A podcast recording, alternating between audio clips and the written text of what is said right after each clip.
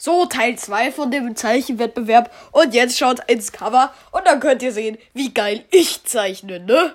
Kappa. Ja, das ist die Stimme von meinem Friend. Sag doch mal. Kappa. Wunderschön, oder? Nein.